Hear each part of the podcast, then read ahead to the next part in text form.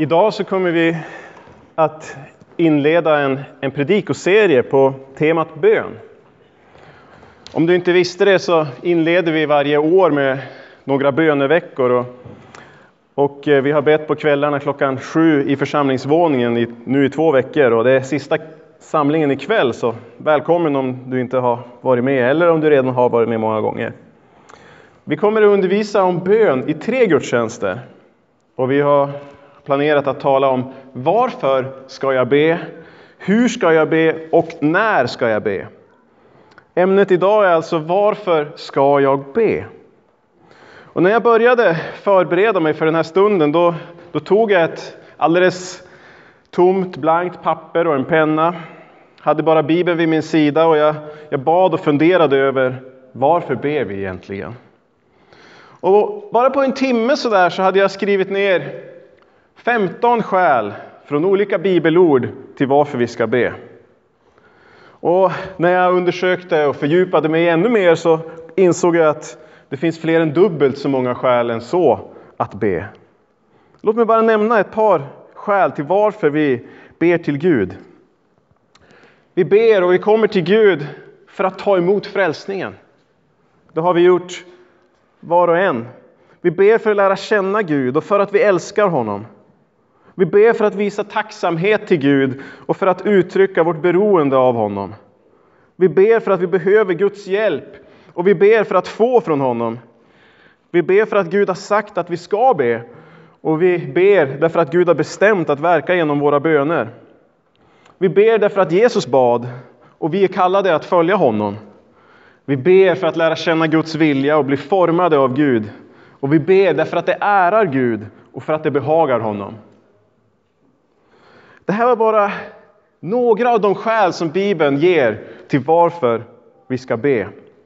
Och anledningen jag räknar upp ett par stycken bara, det är för att du ska få en känsla för att det finns så otroligt många skäl till varför vi kommer till Gud och ber till honom. Och idag istället för att försöka ge någon slags sammanfattande helhetsbild eller, eller att försöka välja ut de allra viktigaste skälen till varför vi ber, så kommer jag fördjupa mig i ett enda. Och jag tror att det här skälet till varför vi ska be, det berör oss alla, var och en, genom hela livet. Säkert är det sant om många av de skäl som Bibeln ger. Men jag tror att Anden har lett mig att stanna vid ett särskilt skäl till varför vi ska be. Och det, det finns i, i Lukas kapitel 22 som du gärna får följa med i en bibel. Vi ska läsa det, sen ska vi be tillsammans.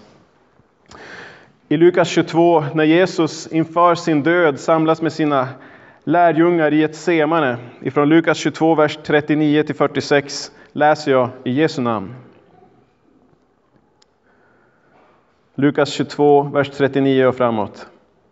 Sedan gick Jesus som vanligt ut till Oljeberget och hans lärjungar följde honom. När han kom till platsen då sa han till dem, be att ni inte kommer i frestelse. Och han gick ett stycke ifrån dem, ungefär ett stenkast, och han föll på knä och bad. Fader, om du vill, så ta denna kalk ifrån mig. Men ske inte min vilja, utan din. Då visade sig en ängel från himlen och gav honom kraft. Han kom i svår ångest och bad allt ivrigare, och hans svett blev som blodsdroppar som föll ner på jorden. Och när han reste sig från bönen och kom till lärjungarna, då fann han att de hade somnat av bedrövelse. Då sade han till dem, varför sover ni? Stig upp och be att ni inte kommer i frestelse. Det är vad jag ska tala om idag, skälet att be, att inte komma i frestelse. Vi ber tillsammans. Herre, nu ber jag att du ska tala genom ditt ord till oss, vägleda oss i våra liv om varför vi ska be och upplys våra hjärtan och tankar om att vi ska be för att inte komma i frestelse. Som du lärde dina lärjungar mitt i din största frestelse, så lärde du dem att de skulle be på samma sätt som du. Herre, uppenbara varför vi ska göra det här idag genom ditt ord och rör vid oss och hjälp oss att komma dig närmare. I Jesu namn. Amen.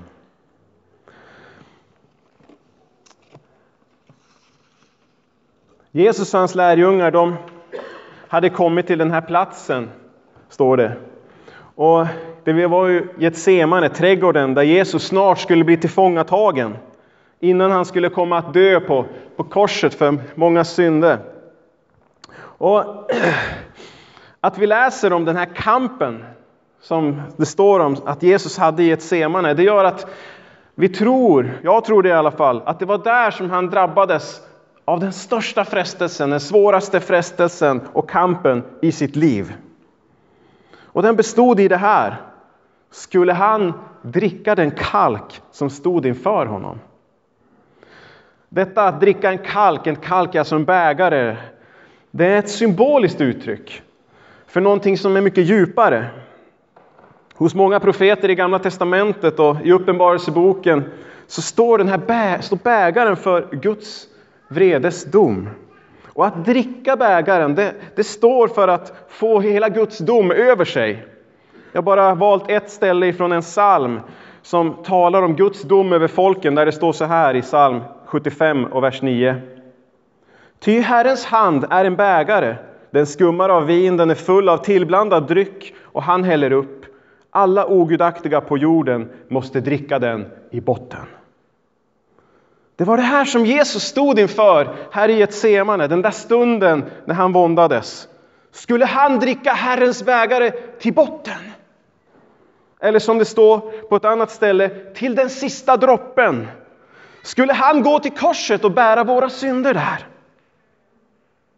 Ta dödens straff som vi förtjänar genom att bli drabbad av Guds vredesdom, ta det fulla straffet, dricka bägaren till botten, till den sista droppen. Eller skulle han som inte själv hade gjort sig skyldig till något brott, skulle han ta en annan väg? Ska han låta bli att bära människors synder, låta bli att bli straffad av Fadern? Det är uppenbart att Jesus kämpade med det här i ett semane. Att det fanns någonting i honom som frestades att ta en annan väg, att inte gå till korset. Som det står i Markus evangeliets skildring av samma händelse. Han föll ner på jorden och han bad om det var möjligt att det var möjligt att han skulle bli förskonad från denna stund. På sina knän så bad han Fader, om du vill, så ta denna kalk ifrån mig. Jag funderar och det är svårt för oss att veta exakt vad som fanns i Jesus, vad han gick igenom den här stunden. Vad det var som gjorde att han inte ville dricka av Faderns vredes kalk. Jag funderar. Var det för att det skulle vara så hemskt att bära andra människors synder? Var det för att det var, han våndades över att bli straffad över sin egen, av sin egen far? Var det för att det skulle vara så fasansfullt att dö? Han som hade evigt liv. Eller var det för att det var så fruktansvärt för honom att komma att bli separerad från Fadern på korset? Var det en var som Jesus brottades om, och jag tror att det var allt det här som jag räknade upp, så fanns det någonting i honom som ville slippa. Jesus var frestad att inte dö. Det är den frestelse som finns bakom hans ord i bönen. Fader, om du vill, så ta den här kalken med all din vrede ifrån mig. Men det var inte det enda som Jesus bad. Han bad också, han gav inte bara uttryck för sin egen frestelse, utan han bad också, ske inte min vilja, utan din. Och Jesus han stod emot frestelser som drabbade honom genom att han satte Faderns vilja över sin egen. Och då står det att en ängel visade sig och gav honom kraft. Men ändå så kom han i svår ångest och bad allt ivrigare. Hans kamp fortsatte, men han hade fått kraft att gå igenom den. Bara för att han motstod frestelsen en gång att gå till korset den där stunden så försvann inte kampen. Den blev intensivare. Vi läser att det handlar om hans känsloliv. Han gick igenom enorm ångest och häftig kamp. Och han bad allt ivrigare, står det på ett ställe. Till och med i en sån våldsam ansträngning att hans svett blev som blodsdroppar. När vi läser den här berättelsen om Jesus i ett semane som kämpar med sin livs största frestelse, Då är det anmärkningsvärt, tycker jag, att lägga märke till det mitt i den här stunden, mitt i hans svåraste stund. Den som han tog sig igenom, svåraste frestelse. Mitt i den här stunden, det är då som han samtidigt ger en uppmaning och ger med sitt eget exempel, lär sina lärjungar och lär oss att stå emot frestelse. Det börjar med ett av många svar på den här frågan som jag började med. Varför ska vi be? När Jesus säger be att ni inte kommer i frestelse. I den här händelsen så sa han det ju inte bara en gång utan två gånger till sina lärjungar. Och det är ingen tillfällighet att Jesus kallar sina lärjungar och oss att be att vi inte kommer i frestelse just i samband med sin egen frestelse. För det, gör, det händer någonting med oss när vi ser det. Då fäster vi vår blick vid honom. Hur gjorde du Jesus för att inte falla? Och som vi lär oss av Jesus exempel så stod han emot frestelserna på samma sätt som han sa att hans lärjungar skulle göra det. Genom att be. Genom att be att inte komma i frestelse. Jag funderar över Jesus uppmaning till sina lärjungar. Kanske kan man tänka att det var en generell bön han kallade dem att be. Att inte komma i någon frestelse, vilken som helst. Och en sån bön har en plats i deras och i våra liv. Men det är också möjligt att Jesus syftade på några särskilda frestelser som drabbade just dem i den här stunden. Vi kan, vi kan ana det därför att istället för att vaka och vara med Jesus så hade de somnat av bedrövelse står det och i en annan svensk översättning och många andra engelska översättningar så står det att de hade somnat av sorg. De hade flera skäl att vara bedrövade och känna sorg. Tidigare på kvällen hade de haft måltidsgemenskap med Jesus och han hade sagt att han skulle lämna dem och gå till en plats dit de inte kunde följa honom. De som hade varit med honom så länge, de var bedrövade över att han skulle lämna honom. Det är också sannolikt att, att Jesus ångest och hans bedrövelse liksom smittade av sig på dem. Han, de har aldrig sett honom i ett sådant tillstånd förut. Att de blir bedrövade när deras mästare var bedrövad. Kanske allra största skälet att vara bedrövade var att, står det i Markus 14 och 27, att Jesus hade sagt till dem tidigare, samma kväll, att den här kvällen ska ni alla komma på fall. Ni ska alla överge mig. Och Petrus hade ju sagt emot. Men då hade Jesus svarat, ja men redan innan den här natten är förbi, redan innan tuppen gal tre gånger så kommer du att förneka mig. De var bedrövade. Och frestelsen att somna istället för att vaka, vara med Jesus så som han bad dem i hans svåraste stund hade fått dem att falla. Och liksom frestelsen att förneka honom för att rädda sig själva, den skulle ju snart komma att drabba dem. Jesus säger, varför sover ni? Stig upp och be att ni inte kommer i frestelse. Jag stannar ett ögonblick och funderar. Vad är en frestelse egentligen? Det här är mitt försök till en definition. En frestelse det är att lockas att tillfredsställa ett begär till något eller någon annan än Gud. Eller en frestelse kan också vara att lockas till att göra någonting som går emot Guds vilja. Och egentligen kan en frestelse bestå i vad som helst. I den första synden så blev Adam och Eva frestade att äta av frukten från ett träd. Det står att kvinnan såg att trädet var gott att äta av och en fröjd för ögat och trädet var lockande eftersom man fick förstånd av det. Adam och Evas synden bestod inte i att de använde sina muskler och sträckte sin hand för att, för att eh, ta av frukten och äta den. Nej, den, den, den var mycket djupare. Det var det som fanns innan de rörde sig mot frukten. Det var att de ville bli tillfredsställda av någonting annat än Gud själv. Och de föll för frestelsen att tillfredsställa ett sådant begär som trädet väckte. Till deras kött, det var gott att äta av. Efter deras ögon, det var en fröjd att se på. och efter den status som det skulle ge. Det skulle ge förstånd. Och vet du, så frestas vi alla av olika saker i världen. Det står så här i första Johannes 2.16 och det är direkt koppling till den första synden. Allt som är i världen, köttets begär, ögonens begär och högmod över livets goda, det kommer inte från Fadern utan från världen. Anledningen till att jag pratar lite grann om det här med vad frestelse är, är för att hjälpa dig, hjälpa oss att se och förstå. Att bli frestad, det handlar liksom inte bara om sådär jättegrova synder som att mörda någon för att ta deras position. Eller att stjäla alla någons ägodelar eller att begå äktenskapsbrott. Nej! Frestelse det handlar om allt som vi blir lockade av att tillfredsställa oss med i världen på ett eller annat sätt. Genom vår kötts begär, genom det som vi ser, ögonens begär eller ett högmod över livets goda. Någonting som ger oss en status på något sätt. Någonting istället för Gud. Till och med av någonting så enkelt som en frukt.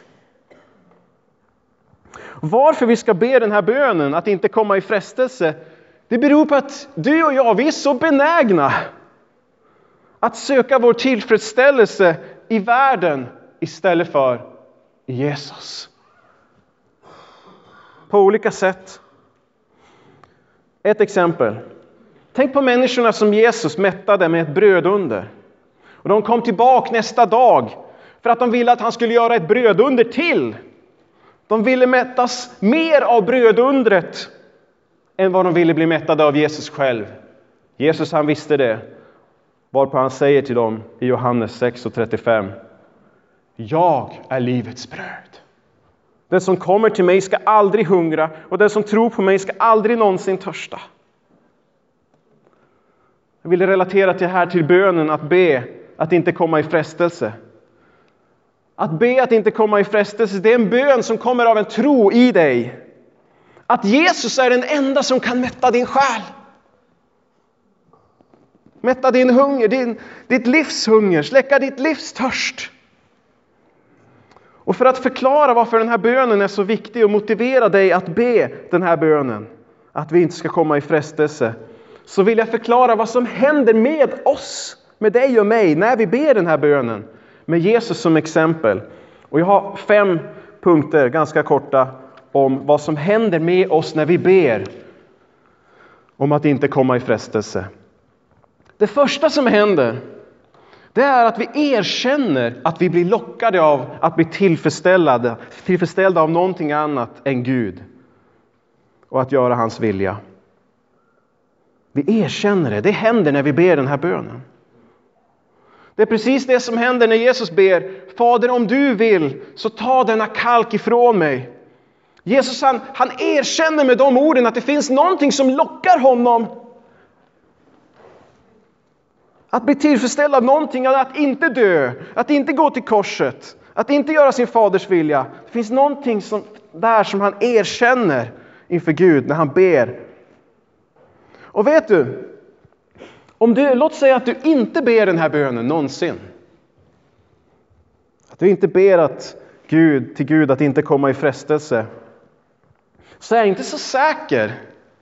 Jag vet inte, jag känner inte dig. Men att vi erkänner att vi blir lockade av någonting. Lockade att bli tillfredsställda av någonting eller någon annan istället för Gud i vårt liv.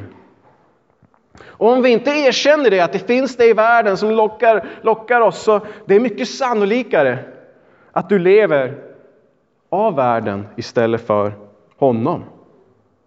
Till och med utan att du ens vet om det. När vi ber att inte komma i frestelse så erkänner vi att det finns det i världen som drar oss. Det andra som händer när vi ber att inte komma i frestelse det är att vi, vi uttrycker med en sån bön, även om vi inte säger det rakt ut, att vad vi vill göra är Guds vilja. Även, även det här var sant om Jesus i ett semane. Fader, om du vill så ta denna kalk ifrån mig, men ske inte min vilja utan din. Och när du ber att inte komma i frestelse, då erkänner du inte bara att det finns, det, det finns någonting som lockar dig att bli tillfredsställd av någonting annat än Gud och att göra hans vilja. Som Jesus så uttrycker vi samtidigt med en sån bön att det är ju faktiskt han som vi vill följa. Annars skulle vi nog inte ha bett den här bönen. Till att börja med, att inte komma i frestelse. Det tredje som händer när vi ber att inte komma i frestelse, det är att vi bekänner inför Gud att vi behöver honom för att inte falla. Jag tänker att det här också är sant för Jesus. När han erkänner att han, han lockades att gå en annan väg än till korset och säger till sin far, ske inte din vilja, utan eh, ske inte min vilja utan din. Så är det liksom ett, ett rop på hjälp. Jag vill inte dö på korset, men jag vill göra din vilja far. Hjälp mig att göra din vilja istället för att följa mitt eget begär.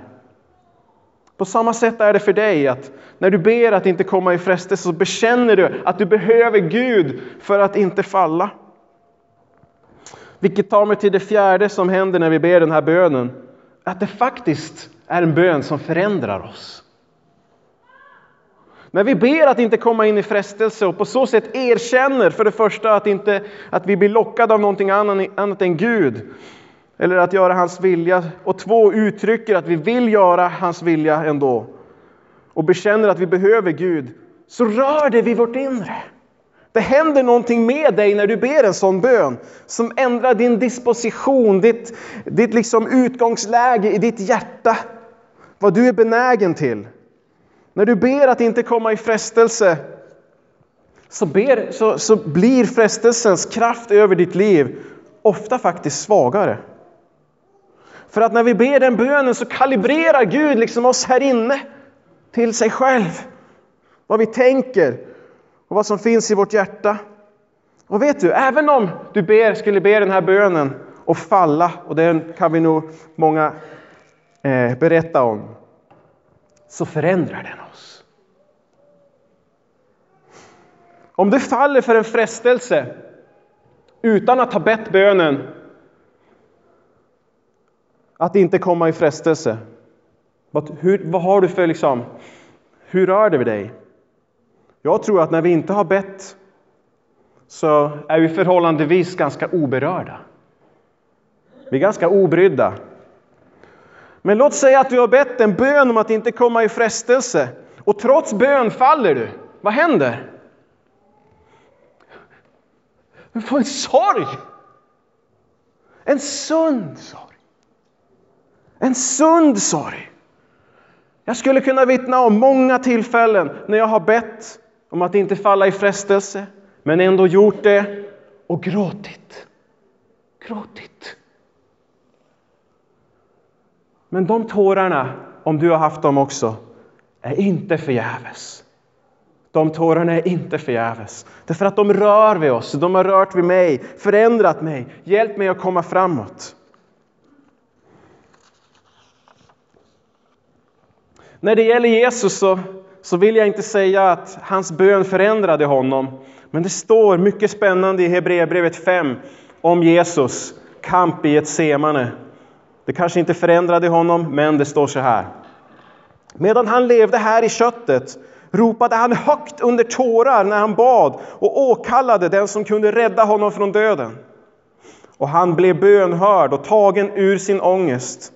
Och fastän han var son så lärde han sig lydnad genom sitt lidande. Så också vi, vi förändras och vi, vi lär oss lydnad genom denna bön. Hur Gud rör vid oss, förändrar oss i vårt inre. Det femte och sista, vad som händer när vi ber den här bönen, att inte komma i frestelse, det är att vi får kraft genom att be så här. Genom Guds nåd att till och med segra och komma igenom det som vi brottas med. När Jesus bad i ett semane uttryckte vad som lockade honom, att han ville göra Guds vilja. Vad hände? Det kom en ängel, gav honom kraft och hjälpte honom fastän hans kamp blev allt intensivare. Hans frestelse att inte gå till korset verkade bli allt svårare. För oss kan det vara på samma sätt. Därför att det behagar Gud att verka genom att, att när vi ber att inte komma i frestelse. Det ger oss liksom kraft att, att, att gå igenom. Och för oss finns den kraften i Jesus själv som har besegrat dödens makt, syndens makt. Även om vi faller, och det gör vi, även om vi ber den här bönen, trots att vi ber den här bönen, så verkar Gud i den. Gör oss uthålligare.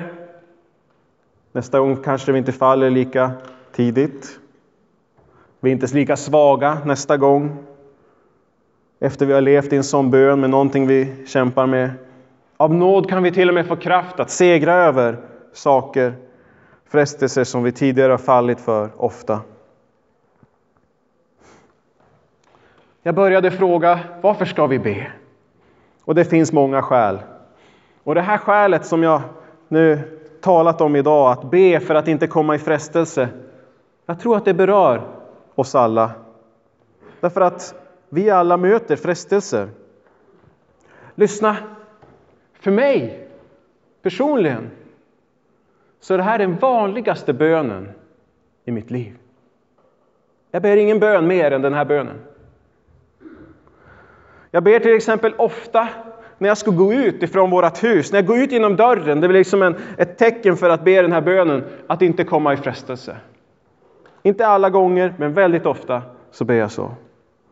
Det kan vara andra saker som finns i hemmet också. Men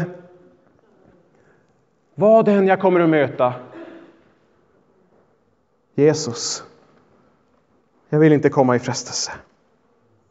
Vi lär oss av Jesus i ett semane att det händer saker, fem saker jag sammanfattar. När vi ber om att inte komma i frestelse så då erkänner vi att vi lockas av någonting annat, mer än Gud. Vi uttrycker att vad vi egentligen vill göra är att göra Guds vilja, precis som Jesus. Vi bekänner samtidigt för det tredje att vi behöver honom. Vi behöver honom. Och när vi gör det här så är det på ett sätt som förändrar vårt inre. Rör i vårt hjärta, våra tankar kalibrerar oss att följa Jesus.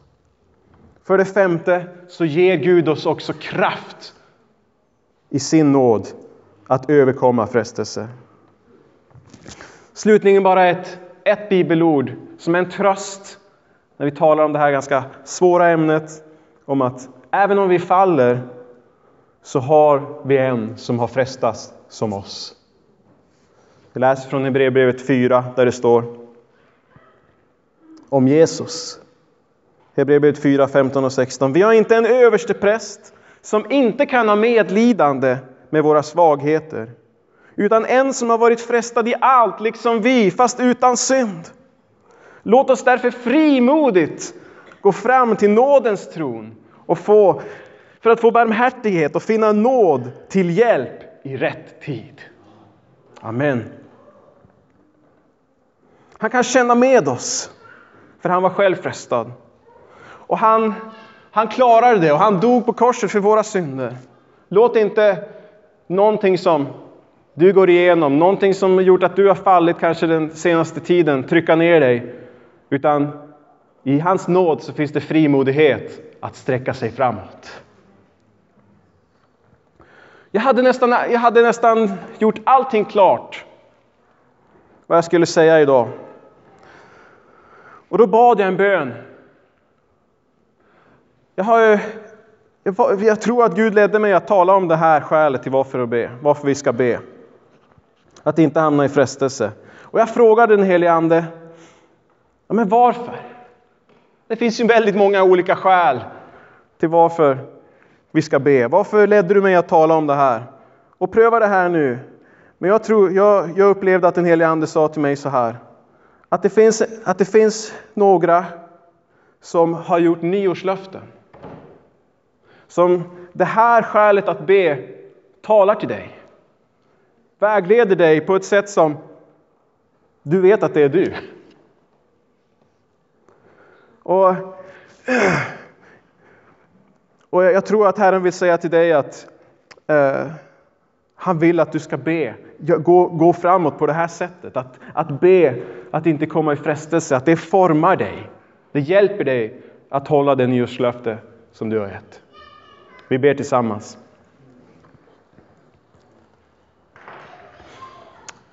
Herre, tack för ditt ord, där du lär oss så otroligt många sätt varför vi ska be.